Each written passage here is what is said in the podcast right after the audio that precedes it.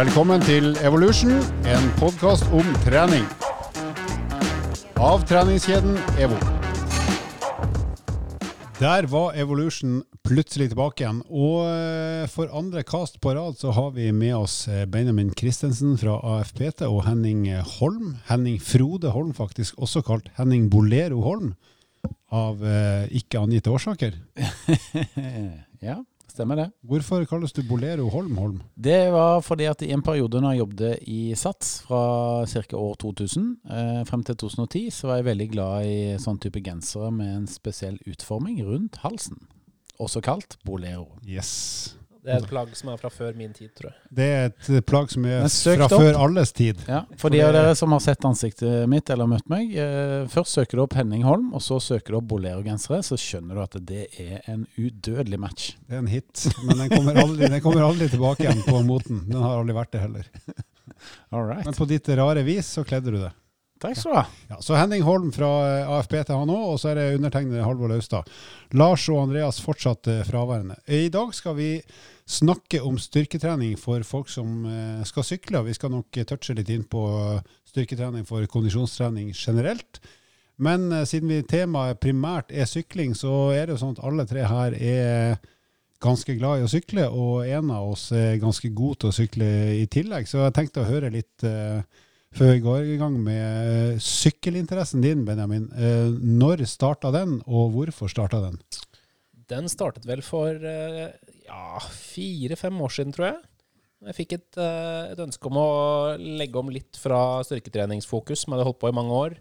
Begynte å gå litt, litt lei der. Mye innsats for Stagnert? Lite, ja, mye innsats for lite fremgang etter hvert. Så, så tenkte jeg at triatlon, det høres spennende ut. Det syns jeg har sett rått ut lenge. Jeg har lyst til å prøve det. Ehm, da må man jo sykle, som er en del av triatlon. Og jeg hadde jo løpt litt. Eh, Jeg hatet, jeg hatet å svømme, så tenkte jeg at sykling er liksom det første, første enkle å ta tak i da. Å begynne å kjøpe seg en sykkel og lære seg å sykle.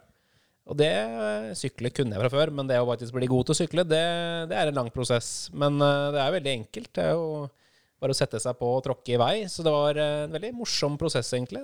Fikk tak i en fin sykkel og fikk ganske stor glede ut, eller mye glede ut av det å, å begynne med landeveissykling. Det, ja, vi har hørt mange historier, og jeg har vel en sjøl òg, om det her med å, at sykler kan være ganske dyr. Det er jo for så vidt et faktum. Men uh, gikk du til å anskaffe seg en skikkelig racer med en eneste gang, eller begynte du på noe gammelt ræl? Det var, eh, jeg kjøpte en karbonsykkel med elektriske gir, men jeg, fikk det, jeg tror jeg betalte 10 000 for den. Så det var jo en eh, For en landeveissykkel så er det relativt billig. Det, men det var en veldig fin sykkel, som jeg var veldig, veldig fornøyd med. Har, har den fortsatt. Kona har arvet den. Så det, man må ikke gå all in, men du kan også få mye sykkelglede av en enda billigere sykkel enn det. Men eh, du har jo eh, hva skal vi si, steget til gradene når det gjelder utstyr. Så eh, når investerte du i den første kall dyre sykkelen? Du trenger ikke å si prisen, altså, men du, hvor lenge har du sykla når du kjøpte en skikkelig dyr rakker som skal gi enda mer fart? Var vel to år, tror jeg. Jeg sykla på den første. Og da jeg begynte og fikk litt mer ambisjoner innenfor triatlon, så skjønte jeg at alle de kule kjører på liksom triatlon-temposykler. Som er laget for å ligge nede i en ekstra rask posisjon. Og da fikk jeg veldig lyst på det også, så da gikk jeg til investering av en litt kulere og dyrere sykkel. Som jeg tror har vært en fin motivasjon, og også en, eh, uten tvil, om man skal sykle skikkelig fort i triatlon, så er det den typen sykkel du bør, bør ha. Og når du da kjøpte sykkel som du er på et eh, nivå som du vet er bra, men hva er det du ser etter da? Er det design, farge? Hva er det, hva er det som gjør at du velger akkurat den ene sykkelen framfor alle mulige andre varianter? Når det gjaldt prestasjon i triatlon, så, så var det jo det å, for min del å finne en modell som uh, faktisk hadde ja, en relativt rask sykkel. Der man ser at man har testet rammeformen og designet for å være relativt aerodynamisk, slik at den kan gå så raskt som mulig når du sykler på den. Uh, og valg av felger og valg av oppsett, slik at den, eh, den kunne være rask, i tillegg til at eh, størrelsen Jeg kjøpte brukt, at størrelsen var passe meg, og at den hadde tilpasningsmuligheter. og at den de litt dyrere triatlonmodellene har ofte enda mer justeringsmuligheter, slik at du kan finne en perfekt posisjon på sykkelen, og ikke at eh, du må tilpasse deg til sykkelen. Og hva slags farge har drømmesykkelen din? Nei, men det den forrige Det, hadde det har litt å si, det må du være enig i. Nei, det er nok en mørk farge. Litt sånn matt, matt sort typ, matt grå, eh, med hvit logo. Det er ofte det jeg synes er kulest. Ja, kult. Og du da, Henning, du har jo blitt hekta for et hva skal vi si, et drøyt år siden. Ja, det Eller som hekta, kan- er i interessert. Ja, uh, og det kan jeg jo takke deg for, Halvor. Uh, Vær så god. Jeg har jo drevet og løpt da i en årrekke, vel i elleve år, så har jeg drevet og løpt. Og så var det egentlig du og naboen min som sa kan du ikke bli med og sykle litt, da? Eh, og så fant jeg frem en gammel sykkel som har stått eh, ja, eh, lukka vekk i ganske mange år. Og så har vi med på et par sykkelturer, og så fant jeg vel ut at eh, sånn som kroppen min eh, er bygd opp, så passer vel kanskje kroppen min bedre til sykling enn til løping. Jeg har litt bedre forutsetninger for å bli, ikke god, men bli brukbar i sykling enn det jeg har i løping. Da. Det har litt med hvordan jeg har trent tidligere, det har litt med hvor lang jeg er, og, og det har litt med mm, formen min, da, eh, rett og slett. Så jeg fant Du er, jo, du er jo ganske tung, men du er jo også ganske sterk, og så har du god kondis. Så du får kanskje mer uttelling for det når du trør på pedaler, enn når du skal løpe flatt. Ja, du kan alltid diskutere liksom, hvilken idrett skal du komme fra for å ha et greit eh, utbytte da, for å begynne å sykle. Og jeg vil tørre å påstå eh, at det å gå fra løping over til sykling er kanskje enklere å gå enn å gå fra sykling til løping. Det er i hvert fall min eh, erfaring sånn sett. da. Det tror jeg nok stemmer. Det er ganske nådeløst mer brutalt å løpe enn å sykle. Så det er hyggeligere å gå fra det brutale til det snille. Så eh, det var um, egentlig en sånn eh, Jeg vil si at sånn um, I forhold til følelse når man trener, eh, den subjektive opplevelsen Den gode jo- følelsen. Ja. så, så er jo sykkel litt mer lek. Det er fart. Eh, forhåpentligvis ikke for mye spenning. Men, eh, eh, og man får jo perioder hvor man triller litt. Får litt pause. Um, og, og så kommer man lenger, rett og slett. Man får jo se mye mer landskap um, enn det man gjør på løping. Så totalt sett så vil jeg si at det, det har vært en opptur å begynne med sykling. Det har vært rett og slett ganske gøy. Eh, og det tror jeg jeg trengte i treningen min etter ganske mange år med løping. Da. Ja. Mm. Eh, og du òg har jo, etter det der gamle vraket du har vraka, så kjøpte du deg en sykkel i fjor, og den hadde farge Ja, Det som skjedde da, for å ta det veldig kort, er at først hadde jeg den en rød, eh, ganske rimelig landeveissykkel, eh, som jeg starta sesongen med, som jeg tross alt eh, fant bortgjemt i en kjeller. Eh, etter jeg har vært med på en triatlon for noen år siden. Eh, den begynte å punktere ganske raskt og vise svakhetstegn, så da spurte jeg Halvor om litt hjelp, og så fikk jeg en sånn fem-seks ulike alternativer på finn.no, så takk for god hjelp, Halvor. Vær så god. Beste måten å løse punktering er å kjøpe ny sykkel. Ikke sant? og den var, den var hvit. Det var en pen sykkel, altså. Den var fin. Den Det var fin. han.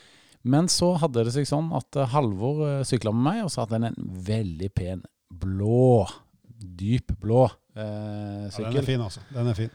Og så sa jeg til Halvor, kan ikke jeg kjøpe den da? Og så sa han, nei, nei, nei, det går ikke, det er klatresykkelen min. Men så skjedde jo det at eh, Halvor, han fant seg jo en sykkel han hadde lyst på. Og det å gå fra to til tre sykler, det er vel et stort steg. Så da, Ja, nei, det går ikke. Nei. Det, blir for dumt. så da fikk jeg lov å kjøpe din. Så i løpet av første sesongen min på sykkel, så eide jeg altså ikke mindre enn tre sykler.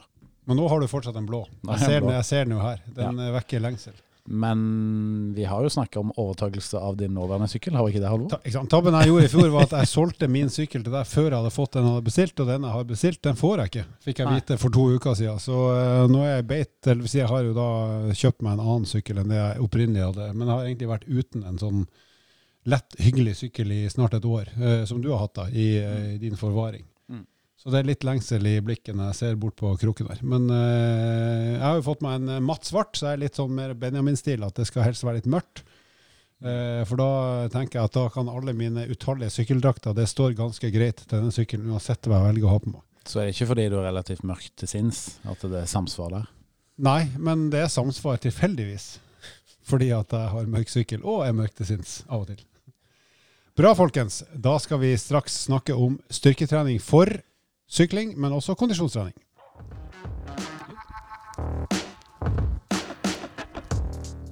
Og da tar vi tak i det her med styrketrening for sykkel først, og så skal vi snakke litt om løping eh, utover i sendinga. Og mange som trener kondisjon generelt, og også da selvfølgelig sykkel, eh, bruker jo selvfølgelig mest tid på enten sykling, løping eller hva det skulle være. Naturlig nok, for det er hovedaktiviteten. Og så er det jo interessant å tenke, er det noe annet jeg kan gjøre enn f.eks. bare sykle for å bli bedre til å sykle?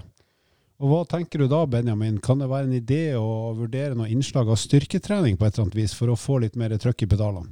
Ja, det, det, tror jeg kan være klokt for ganske mange. Og jeg tenker også for mange de som sykler i Norge, som ikke sykler på elitenivå, så burde jo treningen også handle litt om helse og det å faktisk eh, gjøre de treningsformene som er best for kroppen. Og da ser man nok at kombinasjonen av styrke- og kondisjonstrening virker å være klok for de aller fleste. Og at uh, f.eks. Helsedirektoratet anbefaler også å drive med både uh, kondisjonstrening og styrketrening.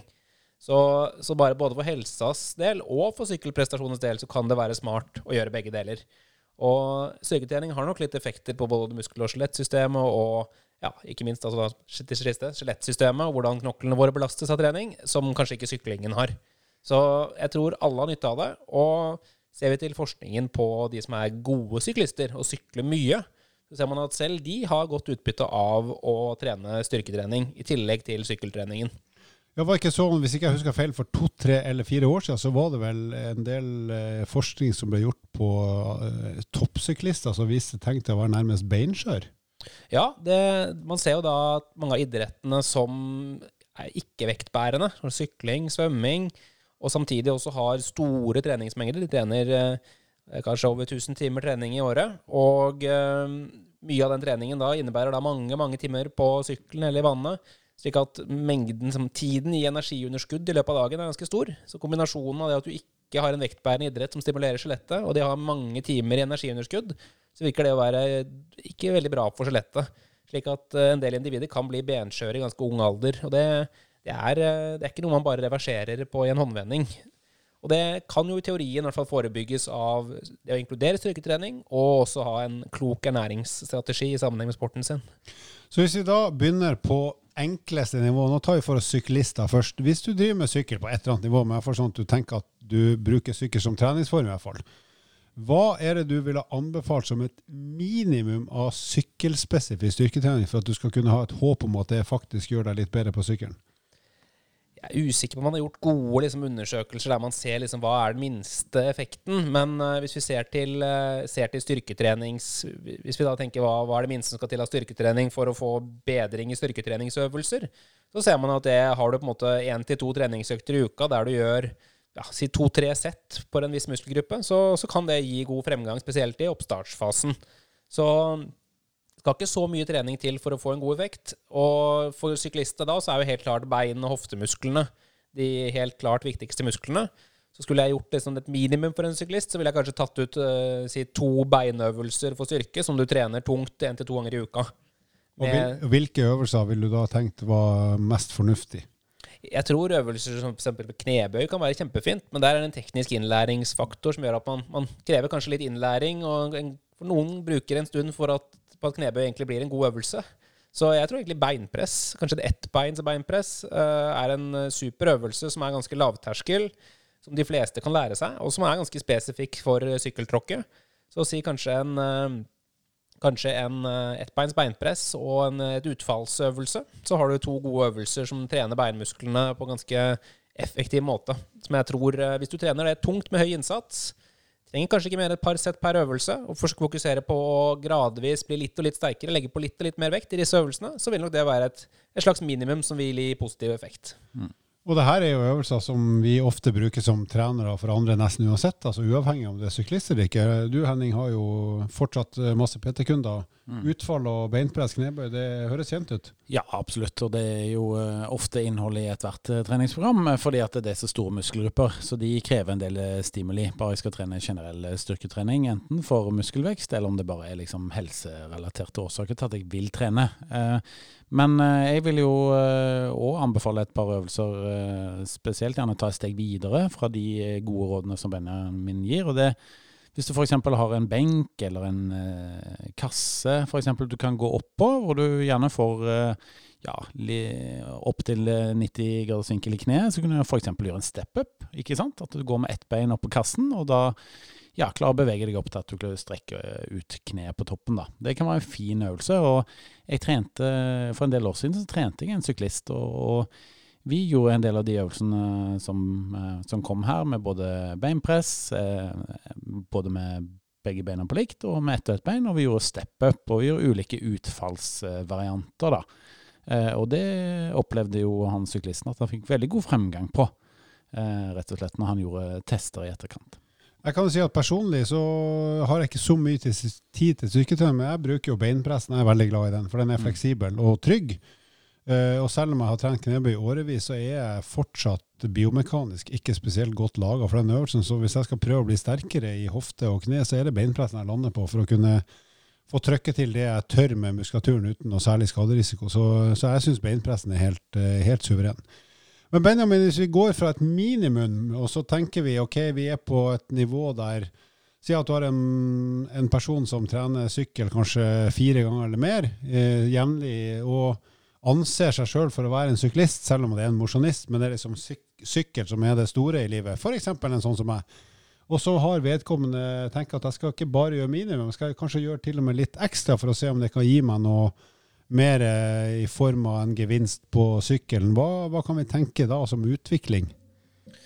Da tenker jeg at eh, jeg ville kanskje hatt med en eh, form for markløftøvelse. Eh, kanskje spesielt om man har tilgang til en sånn trap bar markløft. En sånn stang du, du står litt inni, da man har mulighet til å tråkke fra litt, enda litt mer med lårmusklene.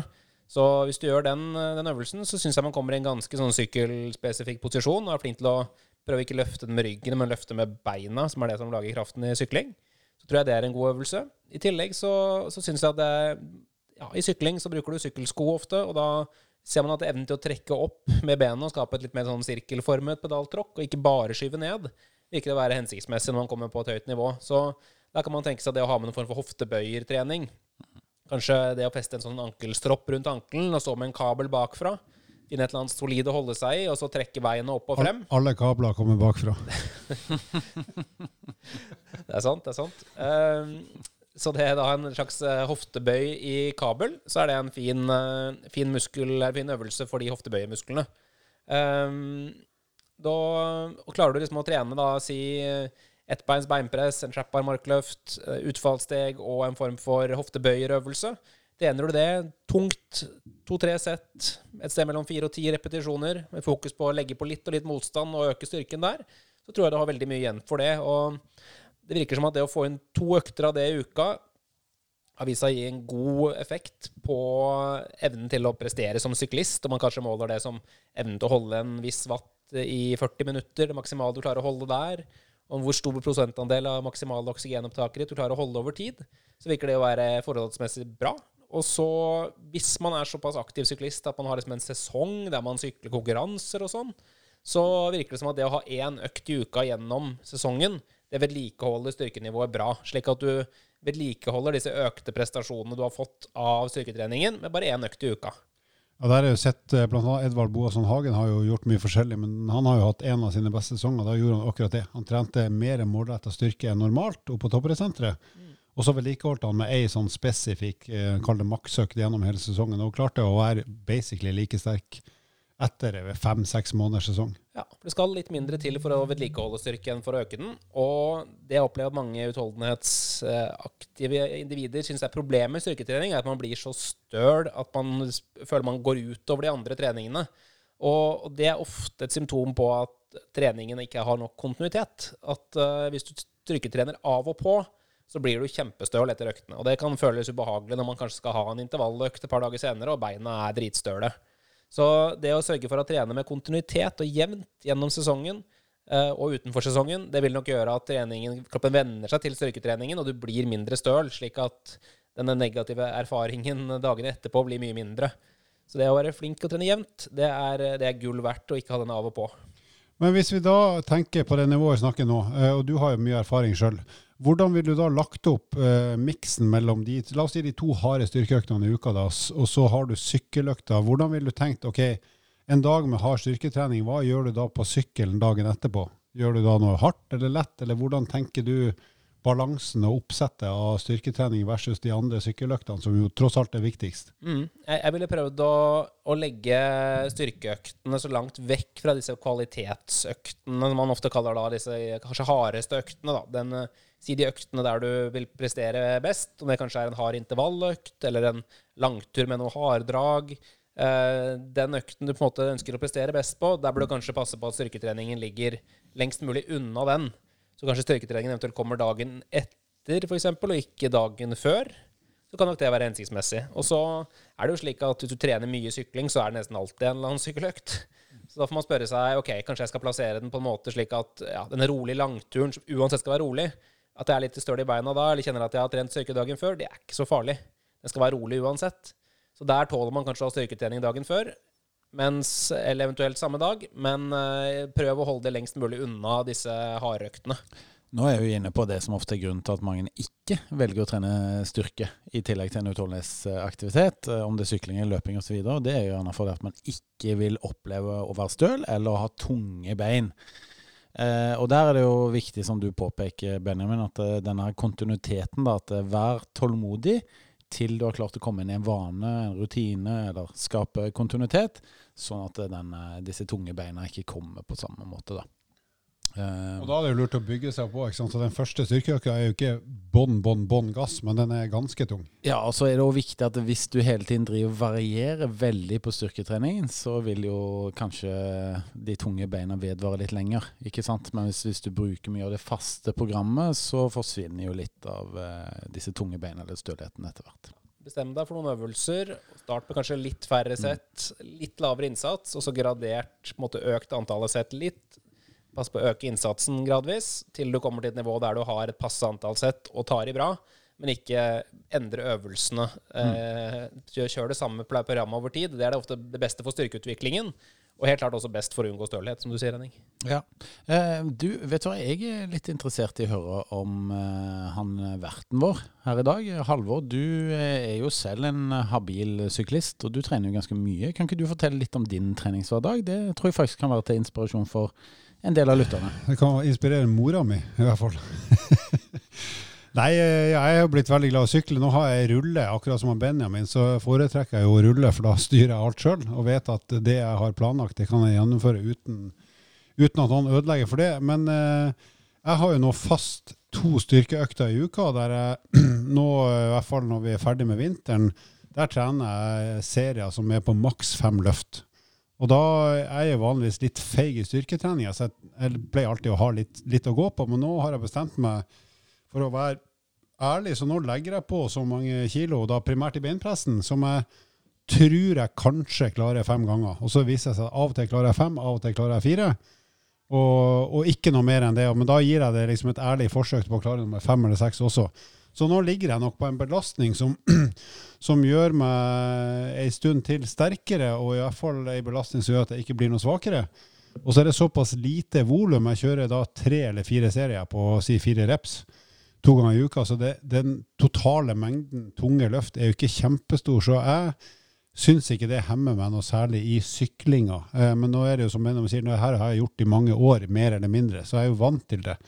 Så de, de, jeg tar jo ikke store sprang i, i, belastning. Jeg øker jo med bitte lite grann. Jeg kjenner at nå, har, nå, er det på tide å øke bitte lite grann. Eh, og det skjer jo ikke så veldig ofte lenger. Så to veldig tunge økter, men med få repetisjoner, er det jeg gjør for å bli sterkere og ikke bli tyngre. Og så tilpasser, som Benjamin sier, de to hardeste øktene de legger jeg lengst mulig unna styrketreninga. Og da typisk tar jeg styrketreninga dagen etter ei sånn har økt. Så i går trente jeg hardt, i dag skal jeg trene styrketrening og ta litt rolig trilletrill for å bare holde beina i gang. Det er min løsning på det. Mm. Veldig bra. Før vi avslutter, så tenkte jeg vi skulle si litt om styrketrening og løping òg. For det er jo flere som løper enn sykler, selv om det er veldig mange som sykler. Hva kan vi si der som er overførbart i forhold til en som velger å jogge eller løpe som kaller hovedtreningsform, uansett nivå? Er det noe poeng å trene styrke i tillegg da? Jeg tror, som, som, som, gjelder for både syklister også, at det, disse positive helseeffektene av å trene styrketrening er noe en grunn til at de aller fleste burde gjøre det eh, gjennom livet. Så jeg anbefaler på generell basis å trene styrketrening. Eh, og så virker det som at det å trene styrketrening kan påvirke løpsøkonomien. At det kan, eh, denne, Når man løper, så hopper du på en måte fra bein til bein, men på en mest mulig effektiv måte, slik at du hopper så snilt som mulig. Men, eh, og da fungerer underkroppen vår litt som en slags springfjær som spretter oss videre til neste steg. Der kroppen bruker musklene rundt eh, ja, leggen, i lårene og i hofta til å regulere hvor avstivet den fjæren er, for å få et mest mulig effektivt eh, eh, sprett til neste steg. Og det virker som at eh, det å trene styrketrening det hjelper kroppen å tune den fjærstivheten i beinet, slik at den blir mer effektiv. Så man løper rett og slett litt mer økonomisk. Så uten at du øker oksygenopptaket, så gjør det at du kanskje bruker mindre oksygen per meter. Ja, så Banalt sagt så kan styrketrening gjøre deg, du, det gjør deg litt raskere uten at du blir noe mer sliten.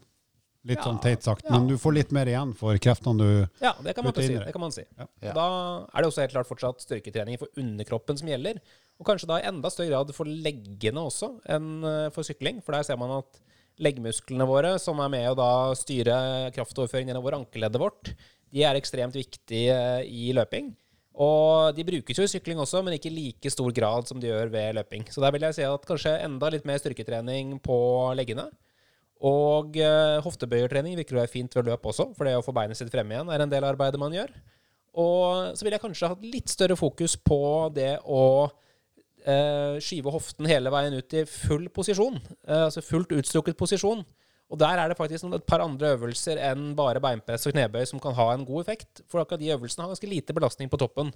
Mens eh, en hip trust, f.eks. ettbeins hip trust, eller noen rygghevvarianter der du også må jobbe mot toppen, de kan være fine å legge til i tillegg. For der får du faktisk jobbet med hoftestrekket hele veien ut, som du gjør et løpesteg.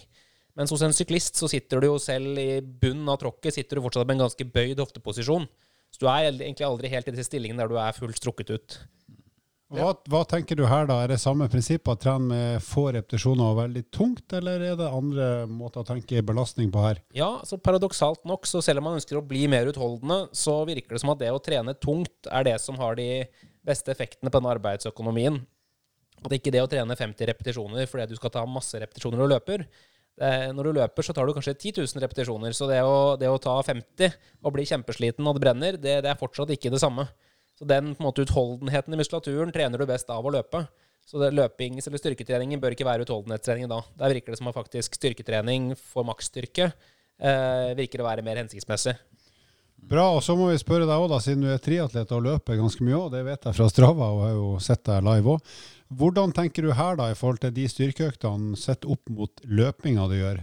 Tenker du likt her at du har lengst mulig avstand fra styrketrening til de tøffeste løpeøktene, eller er det annerledes på løp? Nei, jeg tenker det samme her. Det, det å prøve å unngå å være tung i beina når du skal løpe intervalløkt, og heller som, som eh, sykling så pleier også løping, eh, når man kommer opp på visst nivå, bestå av mye rolig løping, der man løper og har overskudd og kan snakke og, og får inn en del mengde på en lav intensitet. Og så har man ofte det kombinert med litt hardere økter, eh, ofte i intervallform. Og da er det helt klart viktigst å ha frisk, friske bein på disse intervalløktene. Så det å prøve å plassere øktene i din treningsuke slik at de kanskje er eh, lengst mulig avstand fra de viktige øktene, og, og legge det opp på en måte der du føler deg kvikkest i beina. Det er nok litt individuelt også. Så noen kan føle seg ganske kvikk i beina dagen etter styrketrening, og kanskje tung to dager etter. Mens andre så er det omvendt, at de kjenner seg veldig bra i beina to dager etter. Så prøv deg litt frem når du føler deg kvikkest, og, eventuelt eksperimentere litt for å prøve å finne fordelingen som fungerer best for deg. Der må jeg bare som tilleggskommentar, Løping er jo ganske mye tøffere belastning mekanisk enn å sykle. På sykkel så sitter vi og trør rundt uten den støtbelastninga som vi snakka om i stad. Så hvis du ikke har løpt veldig mye, men du, er, du løper en del, men har liksom ikke løpt i mange mange år og har veldig veldig, veldig mange timer med løping bak deg, så kan det jo være et tips at når vi på sykkel snakker om at du trener kanskje styrketrening, og så samme dag eller dagen etter ei rolig sykkeløkt, så kan det hende at hvis du er en løper som ikke har løpt så mye, så er kanskje den rolige løpeøkta ikke å løpe, men å gå. For å, det å gå er mye mer skånsomt enn å jogge og løpe, i og med at farta er lavere og støtbelastninga blir mindre. Så vurder det litt sånn i forhold til hvor mange år og timer du har løpt, og om du skal av og til vurdere at det er lett økt, selv om jeg jogger eller løper, kan være å gå, faktisk. Ja, Helt avhengig av nivå, så syns jeg at en del eh, som sliter med å løpe rolig, og synes at det altså, Med en gang man løper rolig, så blir pulsen kjempehøy og man blir sliten. Da er du kanskje ikke helt eh, godt nok løpetrent til at de rolige øktene skal være løping. Da skal kanskje rolige øktene være raske gåøkter. Uh, og det gir et flott liksom, Men da, da krever det kanskje en, en time eller to med rask gange, så er det en flott grunntreningsøkt der du får en slags sånn basiskondisjonseffekt til du kanskje er godt nok trent både kondisjonsmessig og belastningsmessig på muskel- og skjelettapparatet, at det å løpe sakte lenge faktisk funker. Og så har vi en variant som Henning og jeg for så vidt vi har skrevet litt om og begynt å jobbe mer og mer med, det er jo det her med motbakke. Så ok, hvis du ikke skal jogge på den rolige dagen, men gå, så kanskje det å gå i motbakke kan være en variant som gir bra uttelling uten å være for tøff. Absolutt. Eh, det, vi ser det at hvis du har eh, i hvert fall en motbakke som kan bli bratt nok, da, eh, så får du faktisk eh, pulsen ganske høyt opp og kan få ganske mye tid i en eh, høyere sone. Eh, høyere intensitet uten at du trenger nødvendigvis å løpe. Så med en del eh, kunder så har jeg gjerne tatt de med i eh, en bakke som varer ganske lenge, så den ikke tar fort for slutt. Og så har jeg gjerne sagt at nå skal du gå relativt raskt i gange, og så går jeg ved siden av kunden, og så gjør vi det kanskje i to eller tre minutter. Og så tar vi en pause, og så går litt ned igjen, og så går vi opp igjen. ikke sant? Så det, det å kjøre motbakkedrag ved gange er faktisk ganske effektivt for veldig mange. Men det kommer selvsagt an på utgangspunktet. Så hadde jeg tatt med en av dere, og nå skal jeg gå raskt i bakken, gutter, så tror jeg ikke dere hadde fått den intensiteten dere trenger, nødvendigvis. Ja, Kanskje jeg- Halvor? Jeg tror det er avhengig av bakken. Så jeg, eh, jeg har løpt Oslos bratteste noen ganger, og det, der ser man at eh, selv de beste motbakkeløperne går raskt i dette bratte hengende Ja. i Vyller og Ja, men husk på at da har du løpt en periode først, gjerne. Jo, jo, jo. Men Så- eh, også kan jeg si et sitat fra en, en annen podkast med den norske, beste norske syklistene som har vært skadet. Ja. Han øh, hadde en periode der han ikke kunne gå, eller ikke kunne sykle, for han kunne Mm. ikke lene seg på armen etter han hadde fått en smell i skulderen. Og da gikk han i motbakke på mølla på Olympiatoppen, på dette varmekammeret deres, der det også er ekstra varmt, så du Ja. får et varmestress i tillegg. Og da sa han at han raske økter i motbakke der var han oppe i makspuls på det i, på, i gang i gange. Ikke sant, men da krever det at bakken òg kan Ja. være ganske Så får du da en bratt motstand, så, Mm. tror jeg nesten alle kan få en god økt med gange om de virkelig tilpasser. Da. Så er det varmt, er det varmt eh, og det er skikkelig bratt, så, så tror jeg altså det, det er en veldig undervurdert treningsform. Altså. Og så er det litt fascinerende at den eh, motbakkebevegelsen ved gangen, da, høy bakke, den er jo ikke helt ulik dette med sykling. Den er ikke identisk, men den ligner litt. Det er eh, faktisk mye av det samme arbeidet. Så det, det kan nok, jeg vil nok tro at motbakkegang og motbakkeløping har nok en enda større overføringsverdi til sykling Ja. enn uh, helt flat løping. Da. Om man skulle ønske, ønske det overføringsverdi. Og hvis, og hvis du vil ha stålkontroll på betingelsen i bakken, så gjør du det på ei tredemølle. For der kan du jo bestemme fart og vinkel 100% sjøl. ja, så det vi har gjort, Halvor, er at vi har innført en økt stort sett i uken, og har kjørt motbakkeløping på mølle. Veldig bratt og veldig sakte, men det funker jo som fy for å få hjertepumpa til å gå. Ja, så er det ganske lett å regulere dette med intensitet, da. Mm. Og så er det jo irriterende å se at du fortsatt løper litt fortere enn meg, selv om det er bratt. Og at jeg er litt tyngre enn deg. Så det, det har jeg stor glede av. Men eh, på landeveien så sykler Halvor fra meg, det må jeg jo ydmykt eh, si. Det er jeg faktisk helt, ikke ydmykt helt enig i. Men Benjamin slår oss begge, selv om vi kunne sykla lagtempo, Henning. Har brukt mye penger på utstyret. Men kanskje vi skulle fått oss en sånn eh, Hva heter det? Tandemsykkel, eller sånn? Moped. Ja, ja. Du skal ha motorsykkel for å kjøre fram Benjamin. Men da skal dere ha all verdens takk, gutter. Og så tipper jeg vi fort kan høre fra dere i senere podkast òg. Men for nå, folkens, så er det bare å komme seg ut i nedoverbakke, oppoverbakke eller flatt, på sykkel, til beins eller hva som helst. Bruk livet og bruk dagene til å bevege dere. Vi høres om ikke fryktelig lenge. Vil du vite mer om trening? Abonner på podkasten og sjekk ut vårt treningsmagasin på evo.no.